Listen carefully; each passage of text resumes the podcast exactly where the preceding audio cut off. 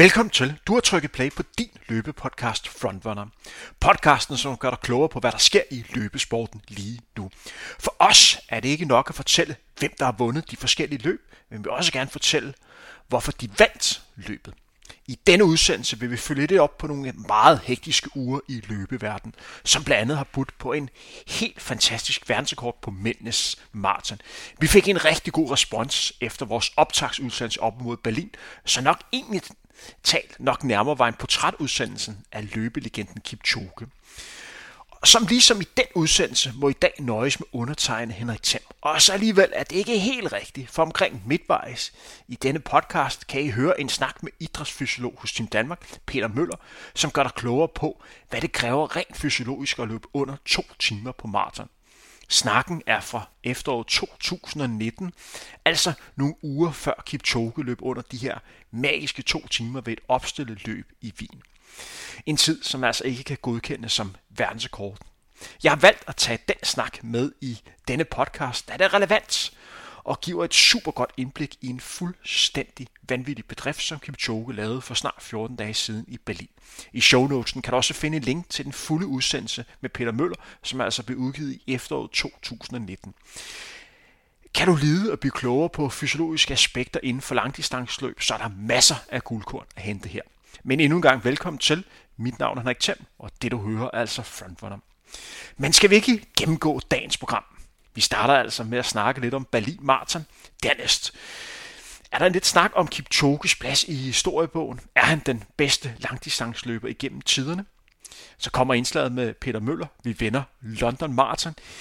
Inden jeg til sidst lige gennemgår den tredje major på tre uger, nemlig Chicago Marathon, som bliver afviklet søndag den 9. oktober. Samme dag er der faktisk også et løb ude i Dyrehaven, som er meget, meget interessant, som jeg også lige vil gennemgå. Men skal vi ikke starte med Berlin Marathon? Berlin Marathon bød altså på en sejr til løbefænomenet Kipchoge i ny verdensrekord 201.09. På forhånd var der meldt ud til de, de såkaldte race brief dagen før, at man ville gå efter en mellemtid på 1.01.50 halvvejs, hvilket var identisk med verdensrekord splits og omkring 15 sekunder hurtigere end den mellemtid, man havde, da han satte verdensrekorden tilbage i 2018. Verdensrekorden før det her løb i 2022 hed på 201.39 løbet samme sted i 2018 af selv samme løber. Faktisk er alle verden, mandlige verdensrekorder sat efter 2002 løbet i Berlin. Skal vi ikke lige gennemgå dem en gang? I 2003 løb Paul Tergat for Kenya 204.56.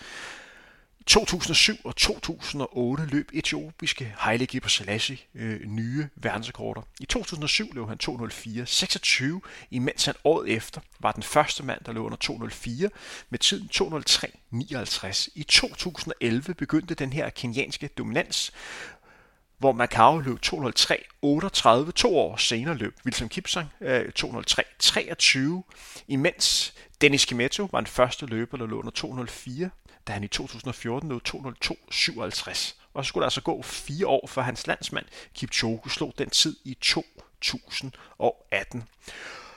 Hvis vi kigger på selve løbet, om det var gode løbeforhold, eller og om det var Kipchoge og hans folk, som ikke har været helt ærlige, før løbet skal gå lidt hen i det uvisse. For hvis vi har fokus på selve temperaturen, så var der omkring 11-12 grader. Der var næsten ingen vind, så det var altså perfekte forhold. Men Kipchoge og hans folk valgte altså at gå markant hurtigere ud, end det de har meldt ud på, på forhånd. Fordi hvis man kigger på de første 5 km, så rundede man her i 14-14.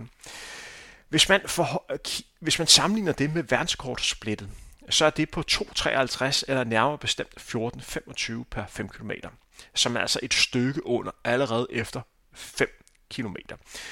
Hvis man går længere frem og kigger på mellemtiden med 10 km, så bemærker man, at den tid er helt ekstrem. Kipchoge rundede de første 10 km i imponerende 28-23, og man er altså på vej til en klar ny verdensrekord, og man lå faktisk også til at løbe under to timer på maraton. Splittet mellem 5 og 10 var på vilde 14.08. På det her tidspunkt lå Kipchoge, ikke overraskende, sammen med sin pacer, samt to andre løbere to etiopiske løber. Ikke overraskende fulgte Adola med. Adola var den forsvarende vinder for 2021, og han var også den løber, som faktisk har været den løber igennem historien, som har voldt Kipchoge mest modstand på maraton. Jeg tænker tilbage på den dag i 2017, hvor Adola debuterede på maraton, men faktisk formåede at følge med ind til omkring 40 km. Det var først der, hvor Kipchoge lavede sit ryg. Ved den lejlighed løb Adola den hurtigste debuttid, men end nogen løber nogensinde har løbet på maraton. Mere overraskende var det, at hans landsmand Beluhi fulgte med. Beluhi var forholdsvis ubesværet på, på maraton. Hvis vi går ind og kigger på hans andre personlige rekorder, så kan jeg nævne, at han har løbet sub 27 på 10.000 meter, sub 59 på, på halvmaraton. Men alligevel var det ganske overraskende, at han turde at følge med i, i det her tempo. Halvmaraton blev rundet i vilde 59 51, altså langt under verdensrekordsplit. Men det mest imponerende var, at Belouye fra Etiopien stadigvæk fulgte med. Til sammenligning kan jeg nævne, at da Kipchoge løb sin verdenskort i 2018, rundede han i 1.01.06, så vi er så langt foran på det her tidspunkt. Lige efter slap Baluhi, imens den sidste pacemaker stoppede omkring 25 km. Derefter var der Kipchoge, der alene skulle gøre det. Man kunne godt fornemme, at tiderne gik lidt ned. Man kunne også godt fornemme, at Kipchoge begyndte at være træt, men han holdt rytmen meget godt. Omkring 30 km begyndte drømmen om to timer at virke en lille smule urealistisk. Men verdensrekord virkede bestemt meget muligt, hvis han ellers kunne holde rytmen nogenlunde, og det kunne han bestemt, for med tiderne på de næste 5 km split 14.32, 14 30 og 14, 43 holdt han rytmen ganske imponerende. De sidste 2,2 blev løbet i 2.51 tempo, og han kom altså i mål i ny verdensrekord 2.01.09. Verdensrekorden blev altså sat med 30 sekunder, eller nærmere bestemt nu løbet i 2.52 i snit. Hans vindermarken var på vilde 4 minutter og 48 sekunder ned til den næste løber. Der er ingen tvivl om, at det her det er et vildt resultat. Men hvad kan man lære af løbet, og hvilke valg undervejs fik betydning? Det vil jeg prøve at gøre dig klogere på nu her. Hvis vi går ind og kigger på Kipchoges løb, så synes jeg, at man for første gang oplever en løber, som laver en fejl undervejs. Jeg nævnte i optagsudsendelsen til Berlin, at det, der kendetegner Kipchoge som maratonløber, det er, at han meget sjældent laver fejl. Maratonløb handler om at passe på sig selv, og så lang tid som muligt være så tæt på 100% som det overhovedet kan lade sig gøre. Det mester Kipchoge. Han er et unikum på maraton, fordi han formår hele tiden at træffe de rigtige valg. Før Berlin Marathon havde de meldt ud, at de ville løbe den første halvmarathon i, i 60 50. Men rimelig hurtigt viste det sig, at det var ikke tilfældet. Han lagde markant hurtigere ud. Om det var noget, de afgjorde på dagen, eller hvad der gjorde, at de lagde så hurtigt ud, det kan jeg ikke svare på. Man var formodet, at Kipchoge sammen med hans hold, det her NM Running Team og eksperter for Ineos, har fuldstændig styr på Kipchoges fysiologi. Men for mig virker det alligevel som en fejl. Fordi hvis man går ind og kigger på, på tiderne, så minder det her tid, eller det her løb rigtig meget om det løb, han løb tilbage i maj måned i 2017, øh, racerbanen i, i Monza, hvor han for første gang prøvede at løbe under to timer grænsen. Det, der var den store forskel fra dengang og så nu, det var, at på det tidspunkt fik han hjælp af op imod 16 harer og en frontbil, der lå og trak ham hele vejen. I dagens løb i 2022 havde han godt nok hare, men harene faldt af som den sidste efter 25, og derefter skulle han selv klare det hele vejen igennem.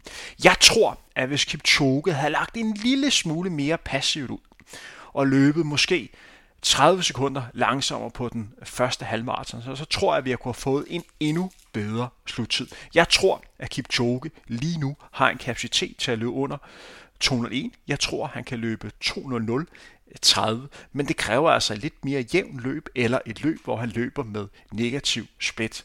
Det her, det er første gang, jeg har oplevet, at jeg vil gå så langt at sige, at Kipchoge lavede en fejl på den her maratondistance. Jeg beundrer, han tog chancen, og jeg har den dybe, dybeste respekt for, at han prøver at løbe under to timer. Men hvis du går ind og kigger øh, på det samlede resultat efterfølgende, så tror jeg altså, at vi kunne have fået en bedre vindertid, hvis han havde disponeret løbet anderledes. Og måske kunne han også have fået hjælp af paceren lidt mere.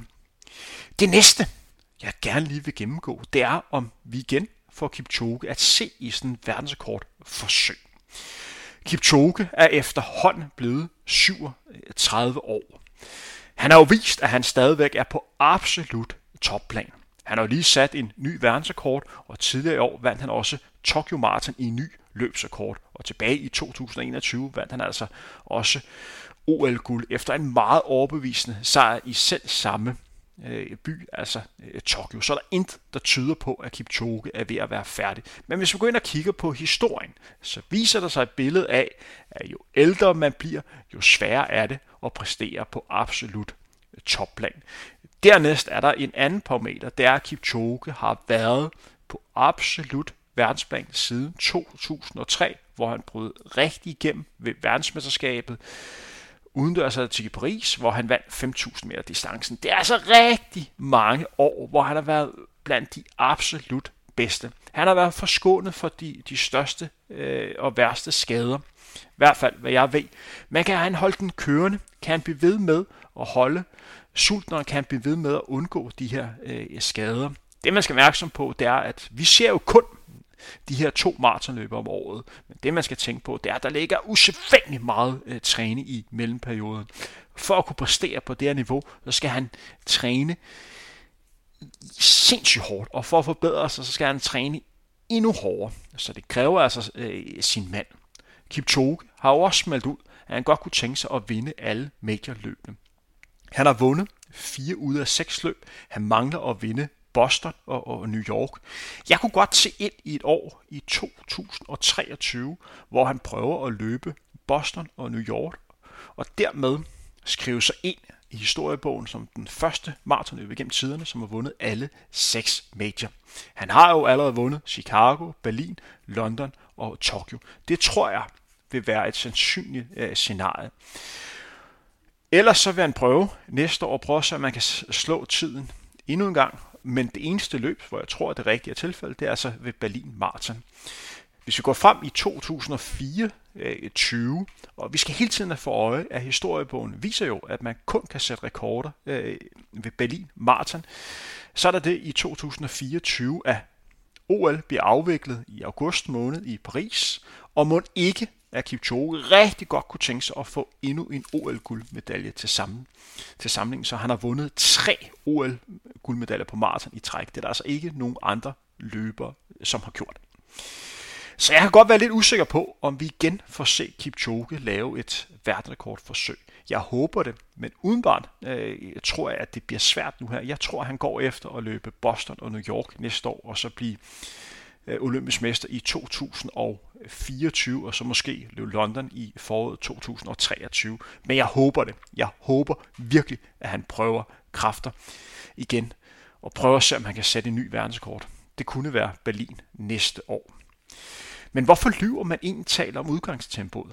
Hvorfor vælger øh, Kipchoge på forhånd at sige, at vi går ud i 60-50? Som jeg nævnte før, så har jeg svært ved at svare på det. Det man skal være opmærksom på ved sådan en løb som Berlin Marathon, så er der det, man kalder race brief dagen før, hvor pacerne melder ud, hvad for et tempo de går ud i, så alle løber ud over øh, Kipchoge har mulighed for at vælge ind i den gruppe og, og lige lave den rigtige taktik på dagen. Og de plejer altså øh, at holde meget godt til, til selve løbet. Det er sket en gang imellem, at pacerne kommer til at løbe for stærkt eller for langsomt, men det plejer at holde nogenlunde, især når vi snakker om en ny verdensrekord. Kan det være et slags røgslør i forhold til, at vi øh, vil prøve at under to timer for lige at lægge, øh, lægge øh, presset til side? Det tror jeg umiddelbart ikke, fordi hvis der er en løber, der konterer det her pres, så er det Kipchoge. Han har jo prøvet før at melde ud, at han vil under to timer på, på maraton. Så hvorfor at man ikke siger sandheden? Jeg, jeg ved det simpelthen ikke. Det kan være en beslutning, som de har taget i selve nuet, og så sagt, vi går sgu efter dem. Men en ting, man ikke skal undervurdere i det her løb, det er pacerne og, og væskemandens betydning. De her pacer, de udfører et ekstremt godt arbejde ved Berlin Marathon. Udover at de nok har løbet en lille smule øh, for stærkt, så er der altså løber, der skal ligge og holde en stabil rytme op til 25 km. Det kræver altså sin løber at, at ligge og løbe de her 2.51 øh, tempo i så lang tid. Du skal være i absurd god form og være i stand til at ligge med en stor mængde syre for at kunne, kunne gøre det. De her løber, der gør det, de ligger og løber maksløb. Vi snakker om nogle løber, som er blandt de absolut bedste øh, i, i verden, og det er altså en rigtig, rigtig hård at, at de er ude på, så de kræver altså og fortjener stor respekt. Dernæst en anden vigtig parameter, når vi snakker maraton, øh, det er, det er væske. Og det man kunne se her på Kipchoge, der han fik væske øh, ved hver 15 km. Nogle gange gik der kun 3 km imellem. Du har en væskemand, som kører rundt på ruten og simpelthen rækker øh, væsken til Kipchoge. Han har et kæmpe betydning for hans, øh, for hans løb. Der er ingen tvivl om, at folk omkring Kipchoge har brugt så mange timer for at ramme den rigtige væskeblanding, så han får den rigtige mængde sukker øh, undervejs. Man kunne også se på hans arm, at Kipchoge løb med en ting, som normalt folk, som har sukkersyge, øh, rende rundt med for at kunne måle, at mængden af glukose er i orden. Og det tror jeg, Kipchoge har på, ikke for at det forbedrer dem på selve dagen, men så de kan få større viden efterfølgende, så de kan arbejde meget med, hvad der sker med de her, øh, hvad den her blodsukkerværdi, når han belaster sig så meget, som han gjorde under øh, Berlin Marathon. Det er en spændende verden, som jeg rigtig gerne selv vil nørde endnu mere i. Men der er ingen tvivl om, at væskebalancen og væskemanden havde stor betydning for det her verdensrekord, og hvorfor det kunne, kunne lykkes. Efterfølgende har der været stor snak om, hvordan det kunne lade sig gøre, at han kunne vinde med imponerende 4 minutter og 48 sekunder. Det er jo en kæmpe sejrsmark, og det kan jeg også godt øh, forstå. Men det, man skal være opmærksom på, det var, at da han vandt og satte ny verdenskort i 2018, vandt han også nogenlunde med øh, samme sejrsmarked. Dengang vandt han kun med, eller dengang vandt han med 4 minutter og 35 sekunder, så altså nogenlunde øh, det samme. Det man skal tage øh, det man skal tage udgangspunkt i, det er, at Berlin Marathon har fokus på én ting, når vi snakker om de bedste mandlige løber. Det er at sætte en ny verdensrekord. Løbet er bygget op til, og især i 2022, at Kipchoge skulle forbedre sin egen verdensrekord. Derfor har man valgt pacer. Man har valgt at lægge ud i et tempo, som passer øh, Kipchoge. Man har også valgt at, at have øh, løber, øh, som er med øh, som måske ligger et lige niveau under Kipchoge, fordi øh, vi skal tænke på alle de her store maratonløb. De har et, et budget, som de skal overholde, og når man gerne vil have øh, top af poppen, altså bedste, det er Kipchoge, så tager han en stor del af kagen, og så altså en knap så stor del tilbage, og den skal altså deles ud blandt øh, nogle andre løber. Og det siger lidt sig selv, at man ikke kan få så de, de største konkurrenter til Kipchoge. Spørgsmålet er, om de egentlig også har lyst til at løbe, og de penge, der er tilbage, bliver typisk fordelt ud med løber, som, øh, som lidt håber på, at Berlin Marathon kan være udstillingsvinduet til, at de kan få endnu bedre aftaler til de næst øh, kommende øh, løb. Dernæst så er der også mange af de her løber, som er vej frem, som tager chancen, som tænker, lad mig prøve at gå med i maraton, øh, øh verdensrekord verdensrekord split. Lad mig prøve at lægge ud til en tid omkring 202, 203, 204. Man skal være opmærksom på, at udover at der var split i 50-50, var der også en gruppe, som lå lige efter og skulle split i til en tid svarende omkring 203. Også en fuldstændig vanvittig tid på, på maraton. Så det var altså løber, som var ude og prøve at finde nye territorium og prøve at se, om de kunne ramme et niveau, hvor de ikke har været før. Og det mislykkes altså. Så det er årsagen til, at du har den her store vindertid. Altså løbet er bygget op omkring en person. Man er bygget op efter en, en verdensrekord. Der er typisk en del løber, som håber på det bedste, slags lykkerider, der løber rigtig, rigtig stærkt øh, i starten. Men hvor lang tid vil den her verdenskort ental stå, hvis Kipchoge ikke selv rører den i øh, et næste år? Jeg tror faktisk ikke, at den kommer til at stå så sindssygt øh, mange år. Som jeg også nævnte i optagsudsendelse til Berlin, så sker der rigtig, rigtig meget i øjeblikket i mændenes øh, langdistance løb. Hvis vi går ind og kigger på, på maratonranglisten, på alle tiders ranglister, så er der kun én løber, som har været i nærheden af den her øh, verdensrekord, og det er øh, Bekele, som løb 201.41. Det gjorde han sørme også ved Berlin Marathon i 2019. Dernæst skal vi ned i, i tider, der løbet i 202, øh, 203. Men vi har nogle unge løber på halvmarathon-distancen, som ligger og løber et pænt stykke under 58 minutter. Det er løbere, som også har løbet rigtig stærkt på, på banen. De har kapaciteten til at kunne matche de her tider, hvis de melder mærke kan finde øh, formen til at løbe stærkt øh, på maraton. Så det er realistisk, at den her tid, den bliver udfordret inden for de næste øh, par år. Og det er nok også derfor, at Kipchoge valgte at gå efter sin egen verdensrekord, fordi han har godt øh, ved det her løb, fordi han er godt klar over, at der er løber, som er på vej frem og måske kan, kan tro den. En ting, som jeg også gerne lige vil øh, have lidt fokus på, øh, det er, at jeg synes, det er en lille smule skuffende, når vi sådan kigger rundt på mediebilledet, især herhjemme, hvor lidt opmærksomhed der egentlig har været på denne fantastiske verdensrekord. I min optik, og jeg er måske ikke så objektiv, så er det en af de største sportsbedrifter nogensinde. Vi snakker altså om en løbedisciplin, som rigtig, rigtig mange personer har prøvet at løbe. Og her har vi altså en, en tid, hvor vi nærmer os en magisk grænse. Det har næsten ikke fået den omtale, som, som den fortjener. Det er her, det er en verdensklasse tid. En ting, jeg dog har bemærket, som jeg trods alt synes, der er, er positivt, det er, at man er begyndt i medierne, de store medier, at nævne, at Kipchoge slog verdensrekorden, i stedet for at skrive det, som man har gjort nogle gange, en kenianer har slået en verdensrekord på maraton. Det synes jeg er fremskridt, men helt ærligt, fortjener den her verdenskort ikke et større øh, dækning. Men der er også lige nogle enkelte ting til Kipchoge, jeg godt kunne tænke mig, ville være en lille smule anderledes. Hvor kunne jeg dog godt tænke mig, at Kipchoge åbnede en lille smule op omkring hans tanker omkring løbet. Han efterfølgende begyndte at snakke om, hvad for nogle overvejelser han gjorde øh, omkring løbet på forhånd. Hvad det var, han gjorde, at han ikke holdte tidsplanen. Hvorfor han, han gik efter at løbe under to timer på maraton. Hvad er det for nogle overvejelser, han, han havde? Hvordan var hans fornemmelse efter 20 km? Hvordan havde han det efter 35 km? Hvornår følte han, at verdensrekorden var, var hjemme? Hvor meget tror han, han mere har i, i, i tanken? Alle de ting har vi slet ikke hørt noget om. Og vi, hvor vil jeg dog gerne høre de tanker fra manden, som selv har oplevet det. Til gengæld har jeg hørt en masse snak om, at mennesket ikke har nogen grænser, og alting er muligt, og, og det kan sagtens lykkes for dig, hvis du bevarer øh, håbet. Ja, det er også rigtigt, Kipchoge, men du er manden, som har gjort det. Du er manden, som har vist det.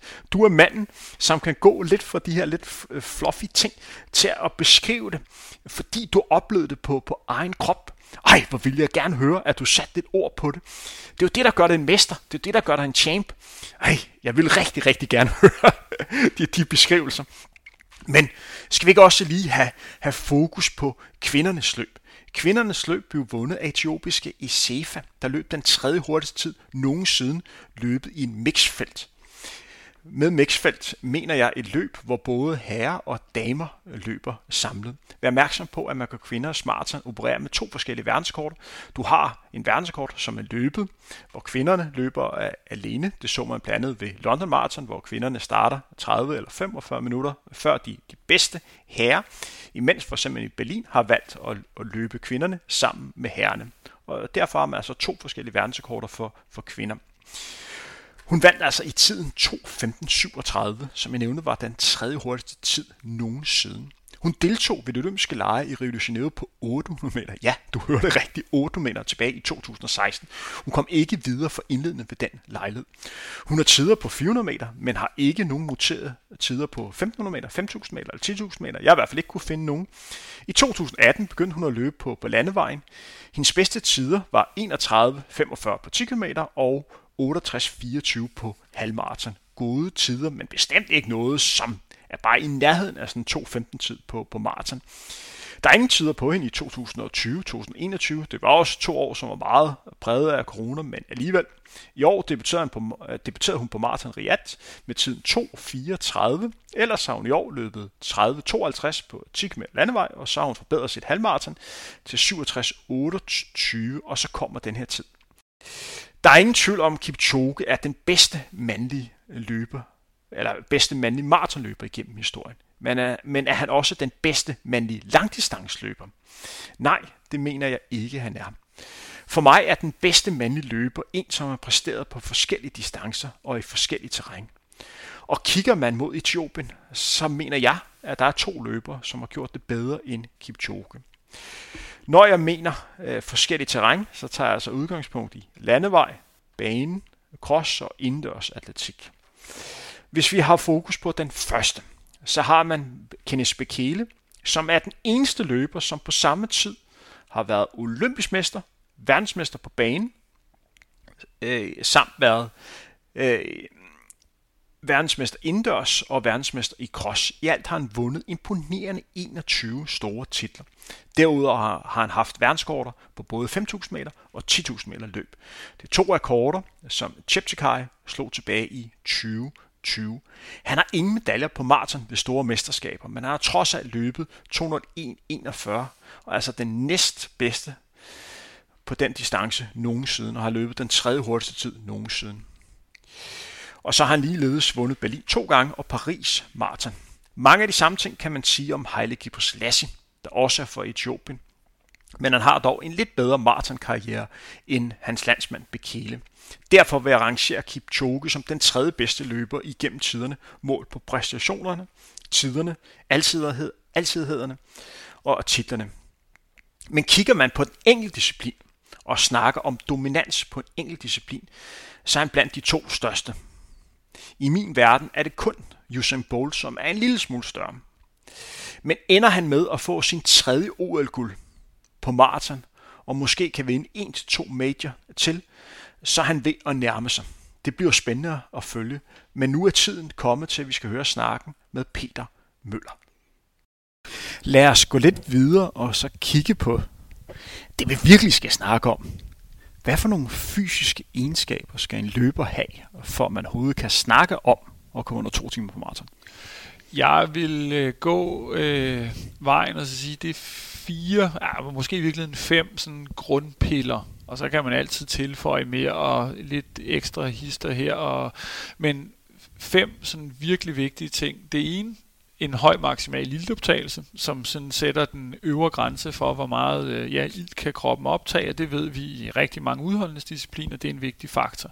Men det er den ene ting, det, det loft skal være så højt som muligt, og der vil man sige øh, et kondital op omkring, øh, på den gode side af 80, øh, er øh, i hvert fald det, der er påkrævet, fordi man kan faktisk regne det her øh, ret præcis med nogle forskellige variable, fordi den nummer to pille, der så skal være opfyldt, det er så også, at man skal kunne opretholde en høj procentdel af den her maksimale iltoptagelse, for det er sådan, at man kan ikke ligge på 100% i særlig lang tid.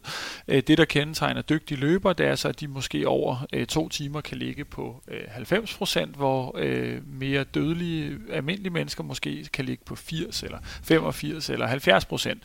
Så man skal have en øh, høj procentandel, man kan ligge på for den givende tid. Det er nummer to ting. Og når man så har den her energiomsætning i form af iltoptagelsen, den skal så transiteres til fart, og det er så den tredje pille, det er det, vi kalder for løbeøkonomien, sådan så at, lad os kalde det, metabolsk energi bliver til fremadrettet energi, så det er noget omkring løbestil, det er noget omkring udstyr, det er noget omkring den måde, man anatomisk er skruet sammen på, de tynde underben bliver tit fremhævet her, Øh, og så den fjerde ting, det er selvfølgelig, at man har en, øh, hvad hedder sådan noget, en kost og i mindre grad væskestrategi, men primært en koststrategi, som gør, at man har øh, tilpas med sukker både før og under løbet, som gør, at man kan opretholde den her hastighed, fordi det er et øh, ret gammelt kendt fænomen fra næsten før øh, eller fra starten af 1900-tallet meget bekendt, at for en øh,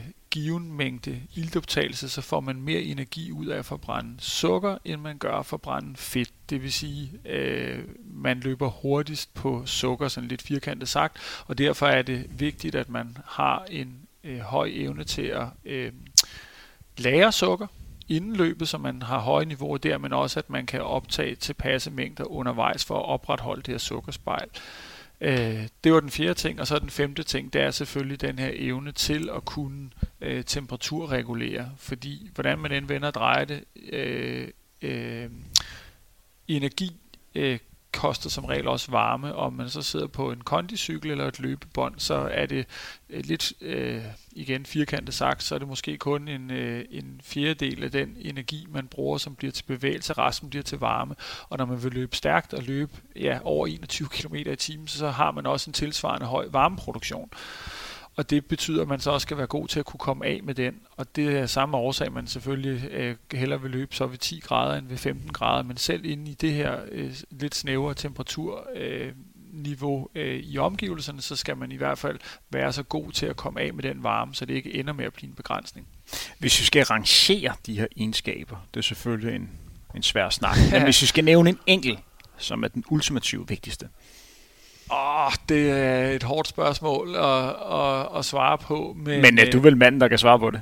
Ja, men nogle gange så er verden mere kompliceret end som så, og det kunne man jo også være kedelig at så sige. Øh, men øh, hvis man læner sig lidt op af sådan empiri og andet, så er der meget, der tyder på, at løbeøkonomi i hvert fald skal være opfyldt. Men jeg vil sige det sådan, at du kan ikke komme derop, hvis du ikke er exceptionel på alle parametre. Altså, øh, der findes eksempler på løber, som så har en meget høj maksimal iltoptagelse, som til gengæld har de en, øh, lad os kalde det, mindre imponerende procentudnyttelse eller en, en middel løbeøkonomi, og så bliver det derefter. Så du skal, hvis man tænker det på sådan en karakterskala fra 1 til 10, altså så vil jeg sige, så skal du ligge altså nærmest 10 på alle de her. Så hvis man skulle lave et bilkort, kan du huske de her ja, klassiske ja, ja, bilkort, ja, ja, ja. og lad os tage over en løber, hvor der står en, maraton-tid 1.59, 59. Ja, ja. Han skal have 10 alle de her parametre. Øh, han skal i hvert fald have 10, 9-10 på øh, VO2 max, på procentdelen og løbeøkonomien. For har du de tre ting, så kan du faktisk udregne, hvad det kræver. Man skal så lige øh, stole på, at ildoptagelsen er præcis, og løbebåndet modsvarer fuldstændig, hvad det er at løbe ud til. Men så kan du faktisk udregne helt præcis, hvad skal der til. Og så skal det andet også bare være på plads. Altså, man skal have tilpas sukker, hverken for meget, men heller ikke for lidt. Man skal heller ikke slippe rundt med unødig vægt. Altså, det er jo også en, en balance. Man skal være øh, øh, tynd, men man skal heller ikke være så tynd, at man knækker, og man ikke kan træne. Altså, det er jo en hård, fin grænse, og, øh, og temperatur må ikke blive et problem. Men nej, jeg vil rangere de tre første som værende måske øh, grundsubstansen, og så er det andet, det er nogle vigtige krydderier, men det bygger på, at det andet er på plads først. Så øh, iltleverancen ultimativt, det er det vigtigste, og så øh, der, derefter må man sørge for, at man har styr på sit energiindtag, og man kan komme af med varmen. Hvis vi går ind og kigger på altiders rangliste over de bedste tider, der er løbet på maraton i historien, så skal man helt ned til nummer 65 for at finde en løber, som ikke er født i Østafrika. Og den løber, der ligger som nummer 65, er en løber, der er født i Marokko. Det er jo nærliggende at tænke, at genetik betyder noget, når vi snakker de her udholdede sport som maratonløb. Når jeg siger genetik og maraton til dig, hvad tænker du så? Jamen, øh, så giver jeg dig ret. Altså, det er jo igen, det, det er jo svært at løbe fra, øh, fra realiteterne, at øh, det er jo nogle gange sådan, det er. Øh, men er det fuldstændig utopi at tro, at vi om 5-10 år sidder og snakker om en europæisk løber, Nej. der har kapacitet til at komme under de her to timer. Nej, jeg, det... ved, jeg ved godt, at der er nogle europæiske løbere, der lige pludselig øh, dukker op sådan hist og pist, men kan det lade sig gøre? Øh, øh, ja, det tror jeg godt. Øh, når vi ved, at der er øh, det, vi kalder biologisk variation, så skal der nok findes en eller anden øh, særlig øh, type, øh, måske nu af kaukasisk afstamning, eller hvad det så fint hedder, øh, øh, hvid, klassisk, om det så er europæer eller andet. Men jeg tror, der hvor øh, nøglen ligger til, at for hver gang der så er en af dem, så er der jo nok noget, der tyder på, at der så er, øh, uden at jeg har noget bygget op på, men så er der 20 eller 30 østafrikanere og så siger det sig selv, at så er det meget øh, øh sværere at, at forvente, at den ene person, der findes ud af alle EU's beboere, hvem siger, at han overhovedet øh, fatter interesse for løb? Hvem siger, at han ikke bare fandt ud af, at han skulle være advokatfuldmægtig og gå til fodbold? Øh, så, så det der med at finde den der lille nål i høstakken, der er i hvert fald bare flere øh, nåle i den øh, øst afrikanske høstak, må man dog sige. Og meget af det, det lader til at bygge på, det er jo øh, blandt andet de her famøse øh, tynde underben, som giver en fordelagtig løbeøkonomi. Det er eftervist øh, ret mange gange efterhånden. Øh, og det er jo, kan man sige, det er jo noget, man er født med. Det er jo ikke noget, man kan træne sig til. Øh. Hvor meget skyldes det faktum, at mange af de her løbere øh, er født i, i højderne, at de til daglig og har levet i det, der vel er 2.000 meters højde og, og mere, har, har det givet dem øh, en fordel? Det er ikke sådan, at jeg lige på stående fod kan øh, øh, huske, om der er nogen, der sådan systematisk har prøvet at kigge på det, men jeg vil sige det sådan, at vi ved jo godt, at øh, højdeophold for langt de fleste mennesker, hvis det har en tilpasse varighed, så giver det flere øh, røde blodlegemer, øh, som i sidste ende gør, at man kan transportere ilt øh, med en større øh, koncentration, om man vil, ned til de arbejdende muskler, og af samme årsag er der jo mange, der tager i højderne og laver højdetræning eller installerer øh, øh, højdetelte og andet. Det er jo selv samme årsag.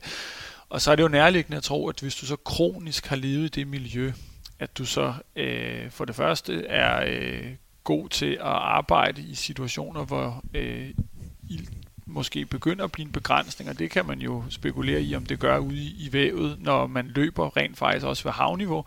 Øh, det er det i hvert fald nok i nogle øh, af muskelfiberne. Men til syvende og sidst, det man kan snakke om på det sådan det øh, øh, strukturelle plan, at det kunne jo godt tænkes, at de her over tid ender med at få en lidt større øh, blodvolumen, specifikt at de har mere hemoglobin øh, per kilo kropsvægt, fordi de er blevet udsat for det her højdestress over lang tid. Øh, det ved man jo, at øh, både sherpaerne i Tibet og øh, andre steder, der er nogle langtidstilpasninger, som relaterer sig til det øh, klimastress, og øh, derfor er det også nærliggende at tro, at det kunne være øh, tilfældet, men jeg må være svar skyldig, om der er nogen, der nogensinde har undersøgt det. Hvis vi går ind og kigger på den dag, det sker, at man kommer under to timer på maraton i et regulært maratonløb, som for eksempel til Copenhagen Marathon eller Berlin Marathon. Vi har jo snakket en del om det. De her forhold, der skal være til. Er det fuldstændig utopi at tro, at det fx kan lade sig gøre at løbe under to timer på maraton, hvis det fx er over 20 grader? Øhm, ja, det vil jeg umiddelbart sige, når vi ved, at der er den her stærke sammenhæng. Øh, så med mindre der findes en, igen en genetisk type, som er ekstremt god til at øh, temperaturregulere, eller har en virkelig, virkelig ekstrem løbeøkonomi, som i sidste ende vil gøre, at øh, man kan sige, for den samme fart akkumulerer, akkumulerer man mindre varme. Men jeg tror ikke, at man, øh, at man vil kunne rykke ved det faktum, at man har brugt øh, hvad, øh, 20, 30, 50 år på ligesom at se, om de hurtigste tider bliver sat under øh, øh, lad os kalde det, moderat kolde forhold, og det tror jeg vil vedblive. Fordi det er jo sådan, når vi snakker forhold, og sådan kom lidt på, hvad der er det vigtigste. Det er vel temperaturen, som er det primære. Ja, og så også at øh, vindstille selvfølgelig. Vind, vind og, og sådan nogle forhold, ikke? Uh, Fordi et andet element, vi kan snakke om, det er jo, om ruten er, er flad, om der er begrænset med, med sving, men vi synes, den skulle blive enige om at rangere det. Fordi det kan godt lade sig gøre at løbe stærkt, hvis der er sving på ruten. Mm. Det kan godt at løbe, øh, lade sig gøre at løbe stærkt, hvis der er en lille stigning undervejs. Min point er bare lidt, at hvis det er rigtig varmt, så er det udelukket allerede fra starten af. Det vil jeg give dig ret i. Det tænker jeg ikke, at der er, øh, det er svært at forestille sig. Altså, der er den lille krølle på halen, man skal huske på, og som jeg også nogle gange har siddet og spekuleret over på vej hjem med på arbejde på cykel, hvis jeg ikke havde bedre ting at give mig til, at øh, øh, i cykling, der øh, er man jo meget bevidst omkring, at høj temperatur giver lavere luftdensitet, det vil sige, at man har nemmere ved at flytte luften, og når man har nemmere ved at flytte luften, så kører man stærkere på cykel. Øh, men men øh, den her luftdensitetsindvirkning, den er også meget relateret til den hastighed, og der er imod væk forskel på at køre 55 km i timen på en cykel og løbe 21 km i timen, men mere det der med, er der måske et eller andet breaking point, hvor man kunne vinde en lille smule ved, at faktisk at luften var lidt nemmere at flytte, øh, øh, ved at det faktisk var lidt varmere, hvis man så samtidig kunne køle løberen. Øh, man har jo bruser og andet sjov.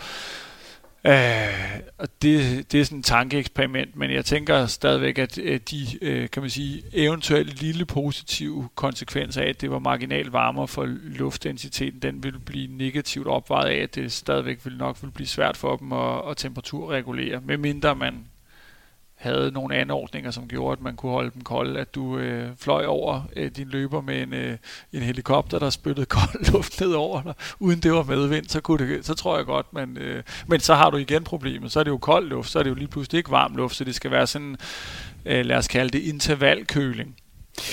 Som sagt, Peter, vi lavede jo tidligere en udsendelse, hvor vi sad og snakkede væskeindtag og væskens betydning på de her længere distancer, og hvorfor det er vigtigt, at man har fokus på det, mm. hvis man skal for eksempel skal løbe et maratonløb her om en, en måneds tid.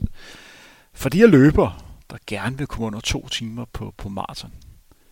Du har jo nævnt det som den femte punkt på, på din liste. Man kan beskrive endnu mere vigtigheden i deres situation for at kunne optage nok energi. Ja, energi og væske, ikke? for jeg tror, man skal dele det op og så sige, der er øh, energitilgængeligheden i form af kulhydrat, den skal være så øh, tilpas, at man ideelt set løber på øh, så lille en andel fedtforbrænding som muligt. Sådan tror jeg, man kan sige det. Øh, sagen er bare, at når man løber så øh, stærkt, så forbrænder man også ret meget øh, sukker, og så er det klassisk, at man gradvist slår mere og mere over på, på fedtforbrænding. Det er så det, man prøver at modvirke ved både at have høje sukkerniveauer inden løbet, men også at man drikker øh, eller gelform andet for sukker ind den vej. Øh, så det er den ene del, og så er der øh, væskedelen, som igen går ned til at sige, at øh, de må ikke tabe så meget øh, væske, som i sidste ende gør, at deres øh, kredsløb vil fungere dårligt, og de ikke kan sende tilpas ilt ud til musklerne, og det må heller ikke være sådan, at hvis der så var varmt, at så vil evnen til at temperaturregulere også blive dårligere, hvis man har, har mistet væske. Det, der så er lidt specielt ved de her øh, typer, hvor, hvor vi snakker virkelig marginaler, det er jo virkelig, at de har kendskab til, hvor er de kritiske punkter henne for en løber, fordi man skal også huske på, at ved, ved at man taber væske undervejs, øh, specielt under, lad os kalde det kolde forhold, så er det ikke nødvendigvis øh, ønskværdigt, at man skal, øh, kan man sige, øh, erstatte alt det med væske, fordi så er man egentlig bare en lettere løber, og så længe man kan holde sin temperatur øh, til, at den ikke kommer op i nogle kritiske niveauer, men at man så måske har tabt et kilo. Det vil alt andet lige gøre, at man løber hurtigere for den samme øh, metaboliske indsats, så det der med, at de også har fuldstændig styr på, at jamen det er egentlig okay, at jeg bare laver en drikkeplan, som gør, at når jeg kommer hen på øh, 15 km, så vejer jeg faktisk 700 gram mindre. Det er helt okay, fordi vi ved fra vores forsøg, at jeg skal på den anden side af et halvt halvanden kilo, før det bliver et problem, og så laver man en plan, som egentlig gør, at man øh, øh, hvad hedder sådan noget, ikke drikker unødigt, men man kun drikker til, at det ikke bliver en begrænsning. Og det er lyder nemt at sige her, det, noget svært at gøre i praksis, og det kræver trial and error. Håber, I kunne lide snakke med Peter Møller og finder den relevant, selvom den er nogle år gammel. Sidste søndag blev der afviklet London Marathon. Det er normalt en af årets helt store maratonløb, men på grund af corona er det blevet afviklet i oktober de sidste tre år. Og det synes jeg har ødelagt lidt af den storhed.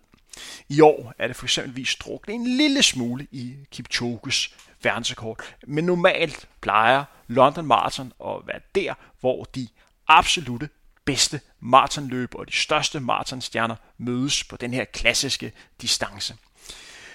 Forholdene var ganske fornuftige, og i modsætning til Berlin var lagt op til et rigtig vedløb, hvor det især øh, på mændenes side var svært at udpege en favorit. Du havde otte løber, som ved en god dag alle sammen kunne vinde det her klassiske løb. Dagene før fik man dog et ærgerligt afbud for den britiske Mo Farah. Mo Farah er efterhånden blevet 39 år, og vi snakker om en, en løber, som måske er ved at være færdig på absolut topplan. Det er en løber, som har vundet OL-guld på 5.000 meter og 10.000 meter hele to gange.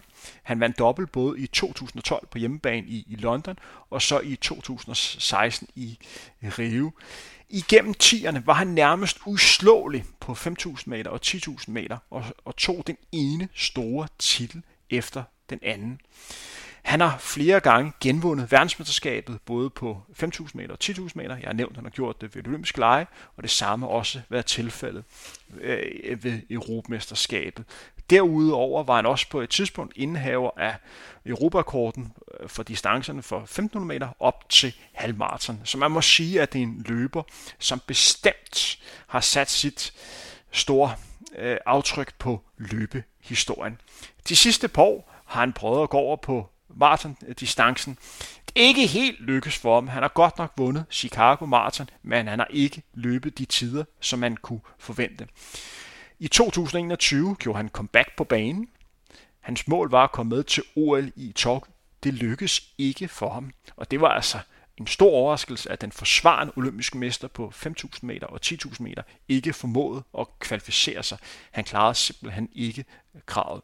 Derefter var der nogle øh, skadesperioder, og så har han brugt to, 2022 på at komme tilbage. Han vandt et stort halvmarathonløb øh, i London i august måned, og man har håbet, at, at det her løb skulle være et løb, hvor han virkelig viste, at han var tilbage på absolut topplan, men desværre måtte han trække sig et par dage før med problemer med hans hoft. Jeg håber virkelig, at man får set Mo Farah igen, og at det her ikke er afslutning på en ellers stor øh, karriere. En anden interessant løber, vi havde i feltet, var Kenneth Bekele.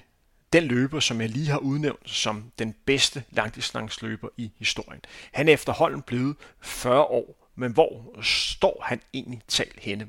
Det sidste, man så til ham, var, da han løb Great North Run i Newcastle, hvor han blev nummer 3 og løb 1.01.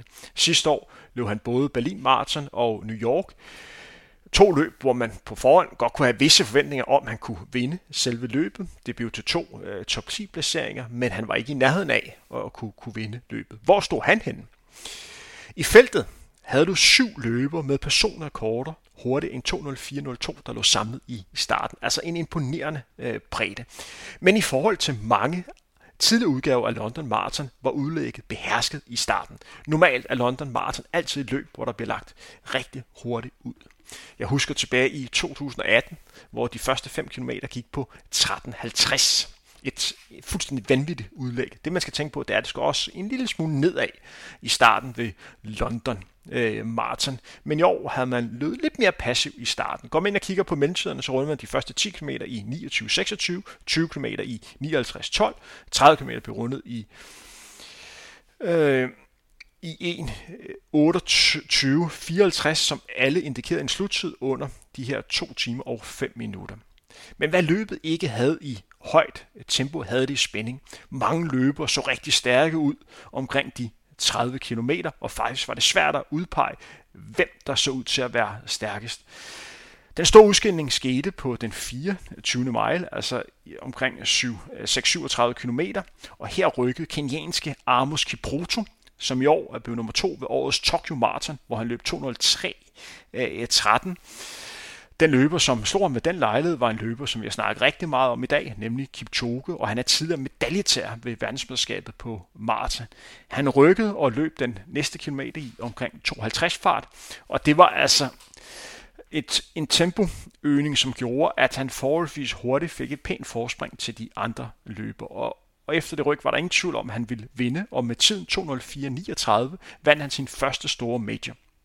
Det var Kenyas fjerde sejr ud af fire mulige i årets øh, major øh, løb. På de næste pladser kom Gibra Selassie for øh, Etiopien. Ikke den løber, som jeg snakkede om før, men en ny Gibra Selassie. Han var 33 sekunder efter. Dernæst fulgte Abdi Bashir for Belgien. Hvis vi går ind og kigger på Abdi Bashir, så har han haft et fuldstændig øh, vanvittigt øh, år. Ved OL i Tokyo i 2021 blev han nummer 3. Øh, nummer 2 blev Abdi Nagay for Holland, og øh, vinderen var altså Eli Kipchoge. Et par måneder efter satte han ny øh, Europarekord, hvor han løb 2-3 øh, nogle 30 og vandt Rotterdam øh, Marathon.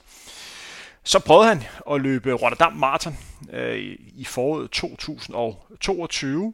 Han kom igennem, øh, men havde problemer med, med skader, så det var ikke et løb, som var helt på samme niveau som de to maratonløb, han har haft året før.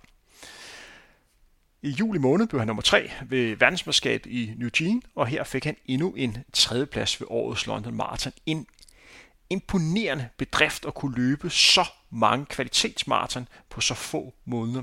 Der har kun været 11 uger øh, imellem New Jean og så øh, London Marathon. Der var også kun 11 uger fra da han løb OL sidste år, og da han vandt Rotterdam Marathon og satte Europakort. Det kræver altså sin løber og øh, vælge den rigtige træningsform i, i den periode. Så stor respekt for hans øh, øh, valg af træning, og han formår at præstere på så højt øh, niveau øh, inden for så kort tid.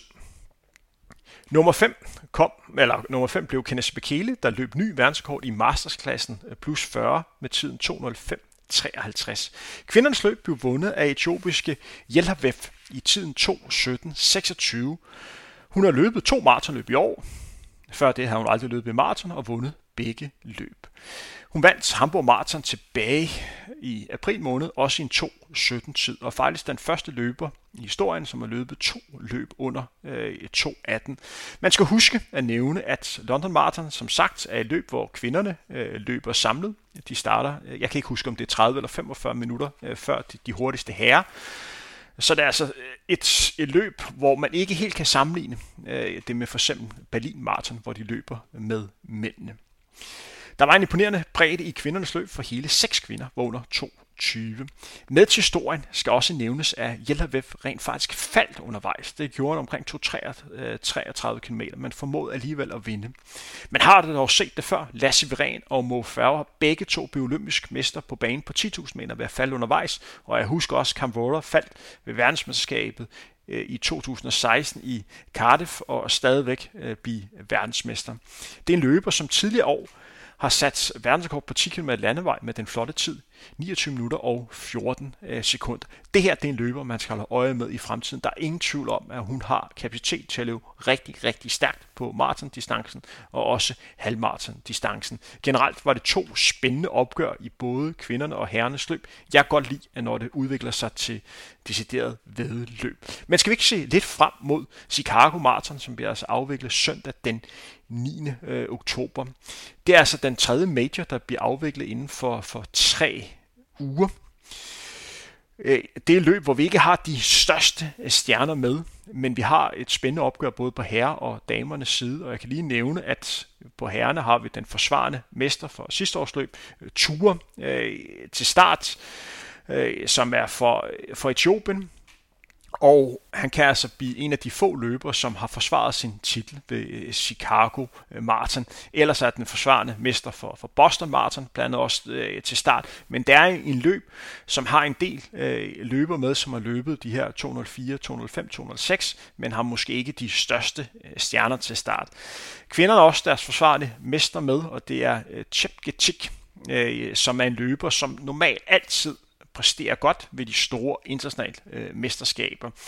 Men det er altså et løb, man kan øh, følge med i søndag den 9. oktober. Men der er også et interessant øh, løb på, på dansk øh, jord søndag den 9. oktober, fordi hvis du gerne vil se et rigtig spændende vedløb, så tag ud i, i Dyrehaven, øh, lidt nord for København, omkring kl. 11 på herrenes side skal man finde en ny konge øh, i Dyrehaven på den her øh, traditionsrige distance, 13,3 km. Man har, øh, jamen, øh, man har fem løber til start, som alle sammen har en realistisk chance for at vinde.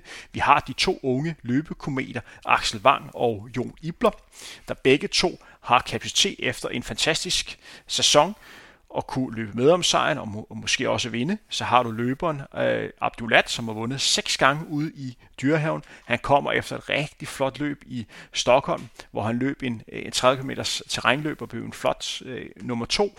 Så har du Omar Hassan, som lige har løbet 63 på, på halvmarathon, og en løber, øh, hvis topniveau er rigtig, rigtig højt. Han blev nummer to sidste år øh, ved løbet i, i Dyrehaven.